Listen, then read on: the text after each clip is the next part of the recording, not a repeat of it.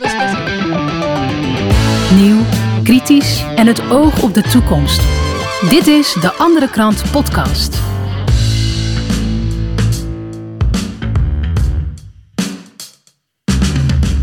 Dit is de Andere Krant podcast, een speciale editie deze keer. We gaan het hebben over een heel specifiek onderwerp. En dat ga ik doen met uh, Elze van Hamelen. Elze, welkom. Dank je. Leuk om er weer te zijn.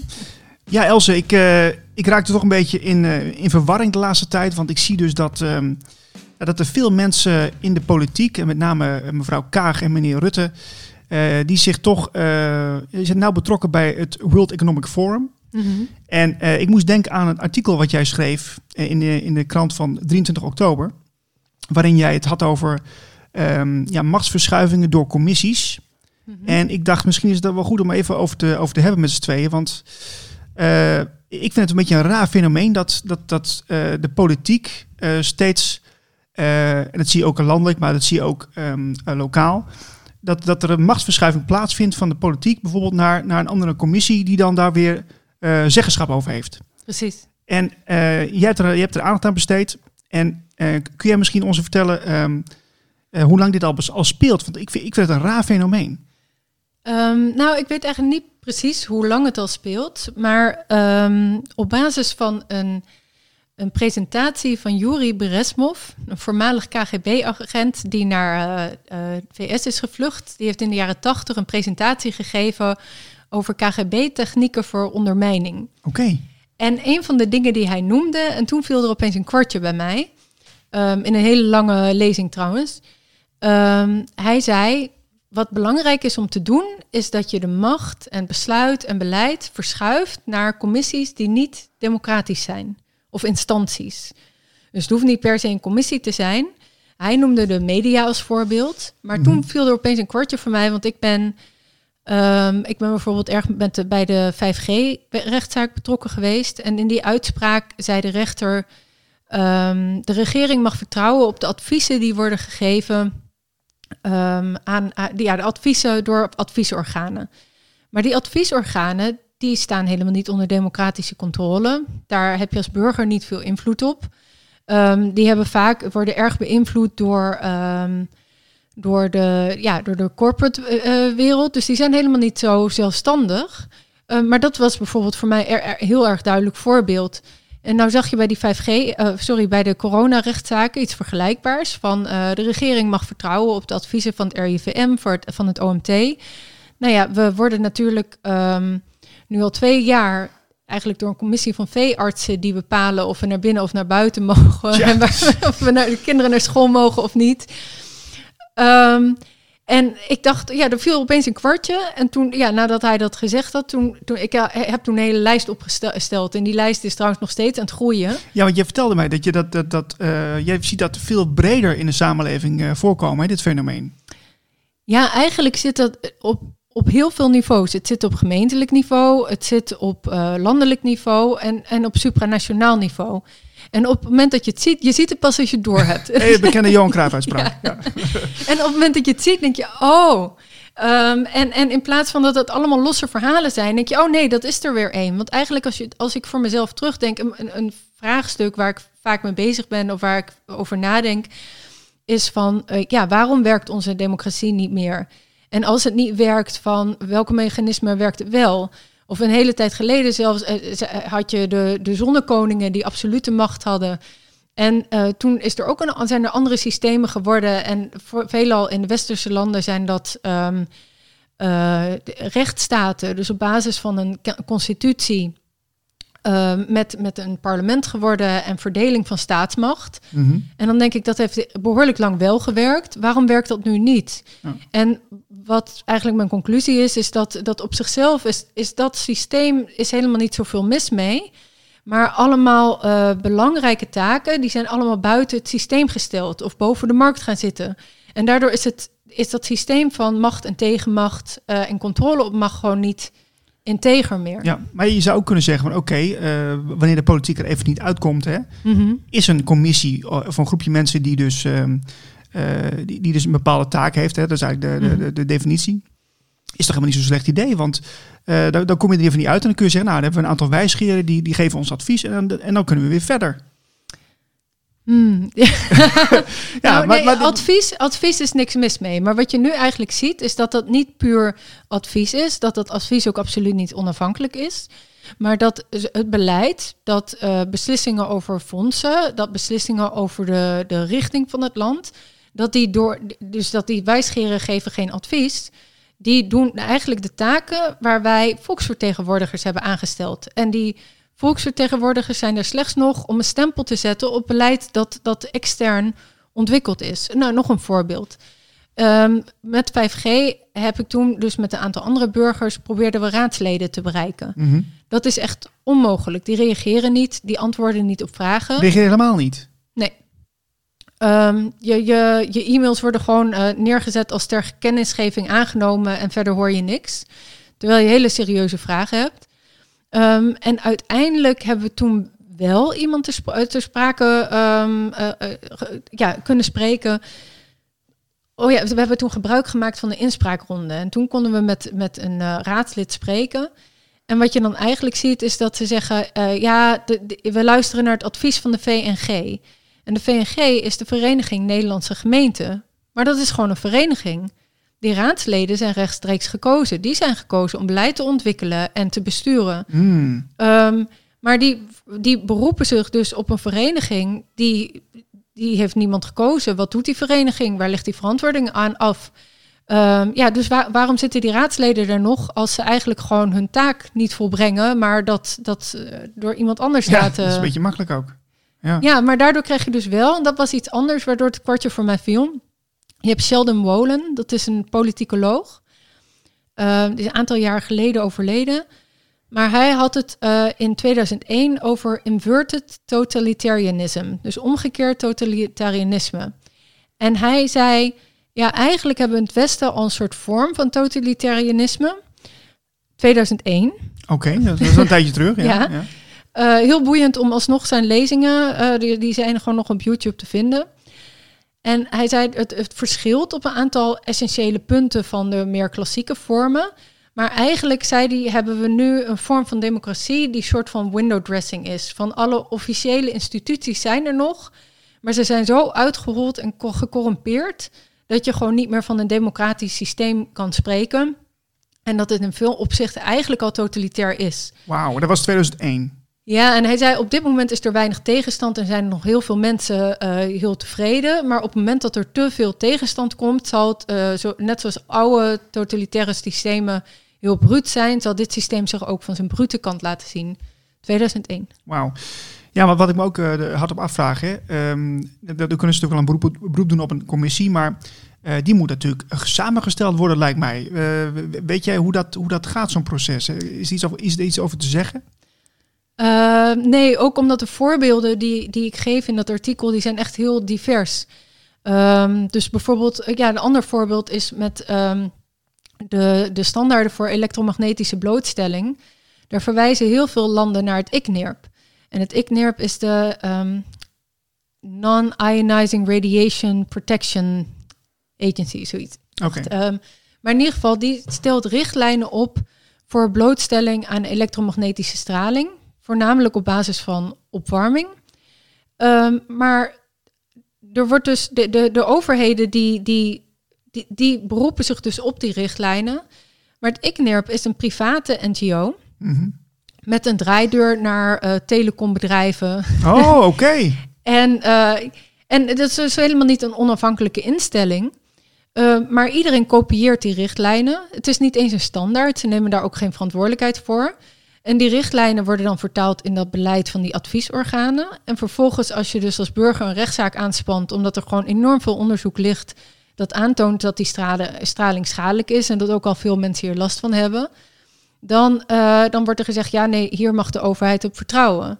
Maar je vertrouwt dus eigenlijk gewoon op een soort corporate. eh, ja, het is gewoon een belangen. Het is een, ja, Ja. het is een belangenorganisatie. Ja, waar dat is begonnen. Ehm, waarschijnlijk zal het wel gefinancierd door, ehm, door, door, de, door- de bedrijven ehm, ooit eens zijn opgezet. Ja, dus ik denk dat je per keer moet gaan kijken naar, naar wat de ontwikkeling is. Daar kan ik niet één antwoord op geven. Een ander antwoord wat eigenlijk echt heel belangrijk is om Nederland te realiseren, is na de ramp in Enschede. Ik, ik ben in Enschede geboren, dus, Ah, ehm, ja, ja, ja. dus ik was daar dus nu ook. Je was erbij, je was erbij. Ehm, na de ramp in Enschede, omdat die veiligheidsdiensten niet goed op gang kwamen, is, het veiligheid, is er een nieuwe wet veiligheidsregio's gekomen. En sindsdien wordt het veiligheidsbeleid niet meer gewoon bij de gemeentes eh, gemaakt, maar dat wordt gemaakt in de veiligheidsregio's. En gemeentes is eigenlijk het meest eh, democratische, niveau, ja, democratische niveau in ons land. Ehm, maar nu heb je dus dat instituut Fy- Fysieke Veiligheid. En die hebben ook eh, de regio-burgemeesters. En zoals je weet, in Nederland zijn de burgemeesters niet verkozen. Mhm, ja. Die zitten samen, dus dat zijn er 20, 25. Ehm, die zitten samen in een soort commissie. En die in de Veiligheidsraad heet het volgens mij. En die bepalen het veiligheidsbeleid. Dus toen aan het begin van die coronacrisis uitbrak, was er wel degelijk heel veel discussie over van of je überhaupt zo'n lockdown wel moet doen en of dit terecht is of niet. Maar waar je normaal gesproken in alle Nederlandse gemeentes discussies hebt en de gemeenteraad als verantwoordelijk eh, en gekozen raadslid daarvoor moet kiezen, zijn al die raadsleden zijn buitenspel gezet. En dat, dat, ehm, dat beleid is dus door het Instituut Fysieke Veiligheid, dat is een eh, instituut in de bossen van Arnhem, en die commissies van burgemeesters overgenomen. Maar wat je hier hebt, want dit zag ik al eerder. Ik had eerst mijn, eh, mijn placeholder naam was eh, de bestuurlijke zweeflaag. Toepasselijk. Ja, ja, nee, maar er is dus ergens van, van, van je hebt eigenlijk een proces dat werkt en waar er controle op macht is en verantwoordelijkheid wordt genomen en er gewoon rechtstreeks op iemand gekozen is. En opeens eh, voorzien je, want dit is wel gewoon een officiële structuur, hier zijn de wetten voor aangenomen, maar eigenlijk on- ondermijnt dit de, de staatsstructuur die we hebben, die, eh, die zorgt voor controle op macht en machtsbalans eh, binnen de overheid. Ja, want dat was ook een beetje de, de volgende vraag. Een beetje een inkoppertje waard. Maar toch, eh, wat, zegt het, wat zegt het nou over de Nederlandse democratie? Nou, vooral als je al die, al die eh commissies... Ja, ik ben het maar commissies gaan noemen... maar het zijn dus heel veel verschillende in- instituties. Dus het, e- de ene, de, het IFV is een zelfstandig bestuursorgaan. De VNG is een vereniging. Het ICNERP is een soort advies-NGO. Ehm, dus er, maar al die elementen zorgen ervoor... dat die democratie op een heel fundamentele manier wordt ondermijnd. Omdat de echt belangrijke discussies ehm, en besluiten die vallen buiten het zicht en buiten invloed. En eigenlijk worden, wordt beleid en keuzes worden al gemaakt voor, voordat de burger ervan op de hoogte is. En wat heel belangrijk is en super ondermijnend, is uiteindelijk zit die gemeenteraad er nog. Uiteindelijk is dat parlement er nog. En omdat er er is, blijft de illusie in stand dat we een democratie hebben. Ja, je, zou kunnen denken van ze, ze vinden het moeilijk om besluiten te nemen. Of eh, eh, er is- zit een doel achter dat, dat er iets eh, toch wordt doorgedrukt ja, wat we niet kunnen verifiëren. Mm, ik denk dat het. ehm, ik denk dat het allebei is. Ik denk dat een gedeelte bijvoorbeeld. Er zijn enorme effici- efficiëntieslagen, worden het dan genoemd. Ehm, er zijn heel veel gemeentes zijn natuurlijk gefuseerd. ehm, en daardoor eh, mis je al een heel stuk persoonlijke binding Ja. met de, de burger. Eh, die raadsleden hebben heel veel werk, die kunnen niet alles doorlezen. Dus je gaat dan ook meer leunen op, eh, op de managementlaag, op de adviezen, op de experts. Ehm, en dat hoort ook wel een beetje bij het efficiëntiedenken van de tijd. Maar die efficiëntie gaat ten koste van de menselijke binding. En, en dus gewoon de democratie en de binding tussen de burger en het bestuur. Ja, dat maakt het ook heel best wel onpersoonlijk. Hè? Als je alles maar afschuift of op, eh, op andere clubjes die daar weer eh, beslissingsbevoegd over zijn. Eh, ja, dat, dan, dat, is, dat is best wel onpersoonlijk. Ik bedoel, Mhm. ik, ik zou me niet echt gesteund voelen als burger als ik zoiets zou ervaren. Nee, nee of trouwens over Ja. dat, eh, dat, dat contact met de gemeente. Want uiteindelijk hebben we maar een WOP-verzoek ingediend, omdat we gewoon geen antwoord kregen. En toen kregen we uiteindelijk een, een ambtenaar te spreken die een beetje... eh, het was eigenlijk een prima gesprek, maar die dacht, wat zijn dit nou voor nou ja, bijna agressieve burgers? Of van, eh, en dan we dachten, ja, maar we zijn al een jaar bezig. Van waarom moet het een jaar kosten? Van Ja. we vragen echt geen rare vragen. En we moesten echt eh, ja, ook bij anderen advies inwinnen van... ja, om überhaupt dat antwoord op die vragen te zijn. Dus het, het voelt ook wel heel eenzijdig. ehm, dat ja, we hebben een hele overheersende de- de overheid die enorm veel oplegt, maar die aan zijn kant eigenlijk helemaal geen transparantie geeft over het beleid wat gevoerd wordt, of de keuzes die gemaakt worden, of eh, ja, zelfs bereid is om vragen te beantwoorden. Ik, ik vraag me ook wel eens af, hè. Als je ziet hoe, eh, hoe er wel eens wordt omgegaan met, ehm, met bepaalde wetten die er doorheen gevoerd worden, of bepaalde besluiten die genomen worden. Eh, ik heb soms het idee dat politici niet meer met één been in de samenleving staan. En, en ook dat, ik weet niet hoe dat voor wethouders is, dat, daar kan ik niet over oordelen. Maar dat is wel een heel slecht teken. Dat is een enorm slecht teken. En dat is ook gewoon zo. Volgens mij was er laatst ging er zo'n clipje rond. Um, dat de, Mark Rutte zat bij een of andere talkshow. En ze lieten zien hoeveel VVD'ers um, partijondersteuners waren. Dus dat, dat, dat er bijna niemand meer gewoon uit de samenleving komt. Maar dat het grotendeels allemaal beroepspolitici zijn. Zo, oké. nou, dat zegt wel, zegt wel genoeg. Um, toch even terug naar die commissies. Hè, want dat vind ik toch wel interessant uh, om even op in te zoomen. Uh, wie, ja, wat, wat zijn het voor mensen die in die commissie zitten? Ja, dat, ik kan me voorstellen dat dat wetenschappers zijn of deskundigen, maar uh, kun je daar iets over zeggen?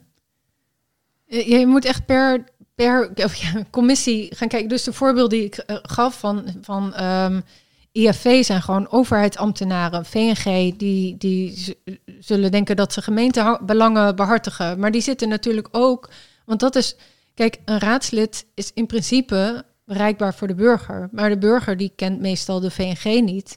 Um, en is daar niet mee in gesprek. Maar die VNG is wel in gesprek met allerlei um, belangengroeperingen. Dus niet per se de burgers, nee. maar. Um, en nou ja, een ander voorbeeld. Je zei natuurlijk in het begin het uh, World Economic Forum. Daar zitten natuurlijk enorm veel bedrijfs, uh, bedrijfsbelangen in. En daar en die hebben nogal radicale agenda voor het omvormen van, vormen van maatschappijen. En daarmee is onze regering blijkbaar rechtstreeks in contact voor het invoeren van die agenda. Nou ja, is dat, heeft dat op de verkiezingsprogramma's gestaan? Hebben mensen daarop gestemd? Absoluut niet. En het, wordt, het wordt ook uh, glashard ontkend ook. Hè, door, uh, uh, bijvoorbeeld door, hoe heet ze, die, die dame van de ChristenUnie. Want, want er werd, uh, Gertjan Segers werd er ook aangesproken mm -hmm. van, zit zij, is ze betrokken bij het WEF? Nee hoor, geen sprake van. Maar dat was dus wel zo, want het staat op de site. Ja, ja. ik, ik, weet even haar naam niet hoor, maar, maar goed, dat kunnen we zo even opzoeken misschien. Maar goed, dus, maar dat, zo zijn er meer betrokken bij de, bij de World Economic Forum. Maar ja, toch wel even belangrijk dat we dat weten. Hè? Mm -hmm. nou ja, weten van, ja, die kan natuurlijk gewoon niet. Of tenminste, als we een functionerende ja. democratie hebben, dan, uh, dan kun je niet op dat niveau beleid uitwisselen en dat je regering rechtstreeks in contact is om dat uit te rollen. Uh, zonder dat daar rekenschap over afgelegd wordt. Ja. ja. Maar goed, de, de, de, de wanneer er een pan pandemie uh, ontstaat, gaat de macht ook, die wordt verschoven naar de, de WHO. als het ware. Hè? Mm -hmm. Dus dat betekent dus dat, dat, dat je als natie geen zeggenschap meer hebt over, over het beleid. Maar, uh, maar is het dan ook zo, hoe, hoe kun je dan als natie, als Nederland, hoe zou je daar weer uit kunnen komen? Dat je wel weer soeverein bent? Ja, dan moet je die uh, contracten, je moet, want er zijn verdragen voor getekend en die moet je terug, uh, die moet je intrekken. Um, maar daar word je dan natuurlijk wel voor afgestraft en daar moet politieke goodwill voor zijn. Maar ik denk zelf dat, um, ja, want daar was ik verbaasd over. Ik, ik dacht zelf namelijk, ik had um, op de middelbare school hebben we staatsrecht gehad. Ah, ja, ja, ja. Goeie oude tijd. nee, dat was, uh, dat was onderdeel van de schoolonderzoeken. En wat daar verteld werd, is dat, um, dat je, de, de Tweede Kamer mag wel wetten aannemen, maar als je de grondwet wil veranderen, dan uh, moet er twee keer met een tweederde meerderheid voorgestemd worden. Um, en je mag niet, je mag, een land mag verdragen ondertekenen, maar Um, het mag geen soevereiniteit afstaan. Dus, en toen dacht ik, ja, maar dan is het toch illegaal dat we bij de EU zijn? Want daar is enorm veel soevereiniteit mee afgestaan. We, laten, ja, we hebben enorm veel aan de EU overgeheveld. Ja. Maar er blijkt dus, ik weet even niet meer in welk jaar, maar er is een grondwetswijziging geweest die dus aangeeft dat wij um, uh, dat, dat ja, dus dat, dat de internationale verdragen die uh, wij sluiten, dat die juridisch bindend voor ons zijn. Maar ja, dan sta je dus een heel groot deel van je soevereiniteit af aan, um, uh, ja, aan het supranationale organen. Die, daar heeft niemand voor gekozen. Het zijn ook weer van die belangengroeperingen. Ja. Um, dus ik, ik, ik denk zelf van, van dat hadden we nooit moeten doen en dat zou teruggedraaid moeten worden. Want je kunt niet een integer bestuurssysteem hebben op het moment dat je dus ehm, zoveel beslissingen uitbesteedt. En het kan, je kan niet spreken van democratie op het moment dat die, eh, al die beslissingen liggen bij vlakken waar je land eigenlijk helemaal niks meer te maken heeft. Nee, dan, dan zouden we dus eh, ja, toch een beetje uh, flinke radicale om, omzwaai moeten maken, politiek gezien, voor, voordat je dat voor elkaar wil krijgen. Ja, zeker. Ja, als je gelooft dat de politiek de oplossing is. Want dat denk jij niet. Um, ja, ik vind dat lastig. een beetje flauwe vraag misschien. Ja, ja, ja, nee, nou, weet je, het is een, een lastige vraag. Want uh, ik kijk zelf, volg ik heel weinig van de Tweede Kamer, omdat ik er absoluut geen vertrouwen in heb. En het gewoon. Maar tegelijkertijd, als je zegt van die uh, oplossing kan politiek niet meer gebeuren, wat, waar sta je dan voor? Voor een revolutie? Of um, dat is ook niet iets waar je echt op zit te wachten. Dus ik, ik hoop heel erg dat er grote.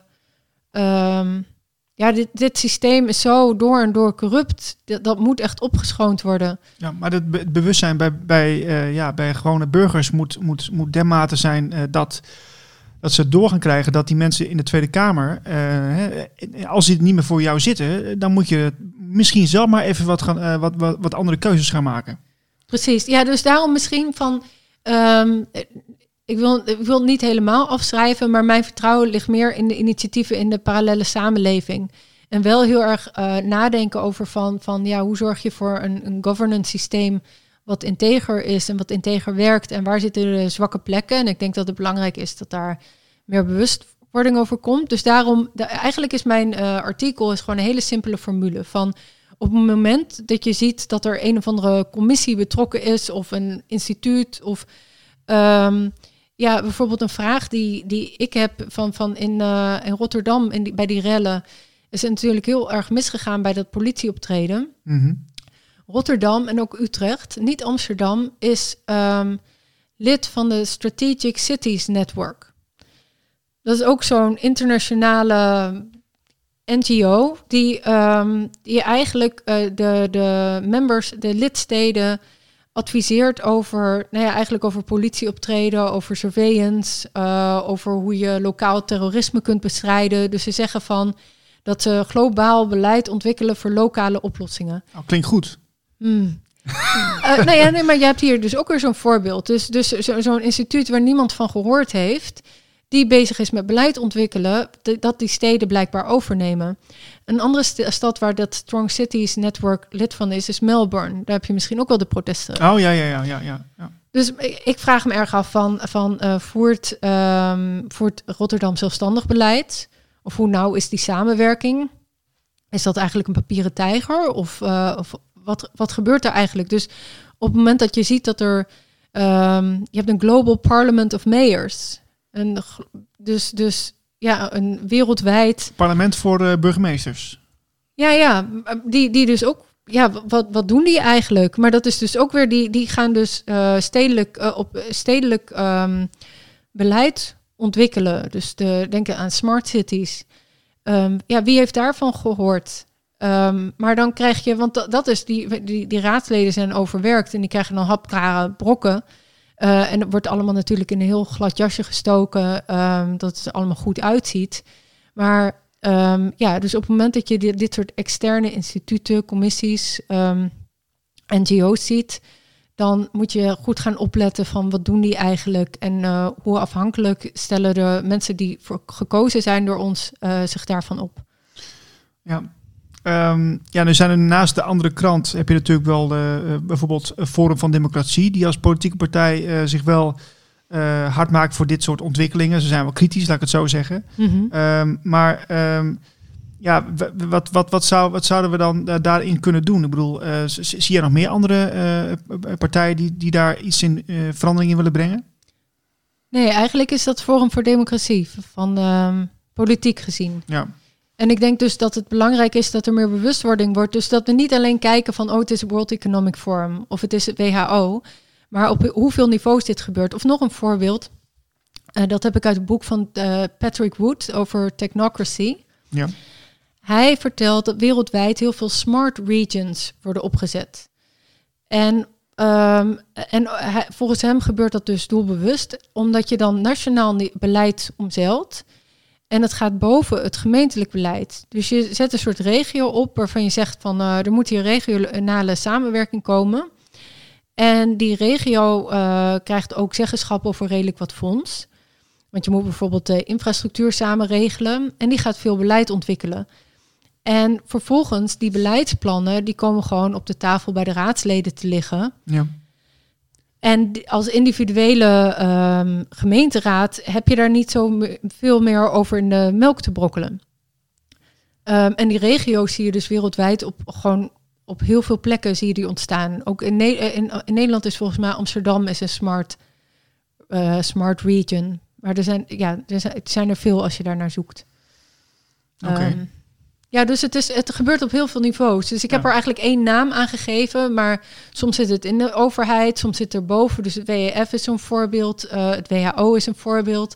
Soms zit het ernaast, zoals zo'n uh, vereniging.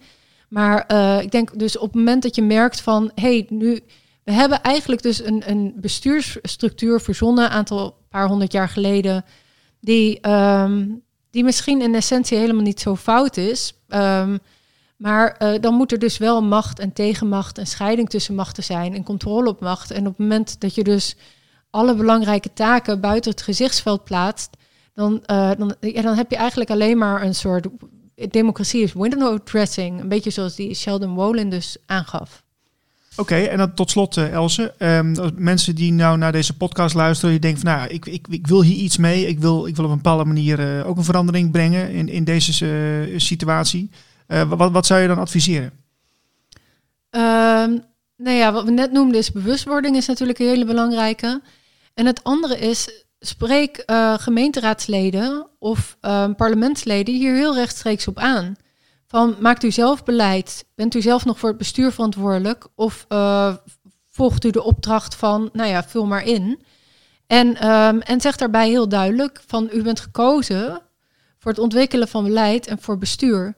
En op het moment dat ze dat niet doen, dan, um, en dat in opdracht van anderen uitvoeren, dan doen ze gewoon hun werk als volksvertegenwoordiger niet. Ja, dus gewoon persoonlijk aanspreken, of eh, per brief in elk geval. En dan, ja. uh, dan kun je daar, uh, ja, dan kun je misschien een verschil maken.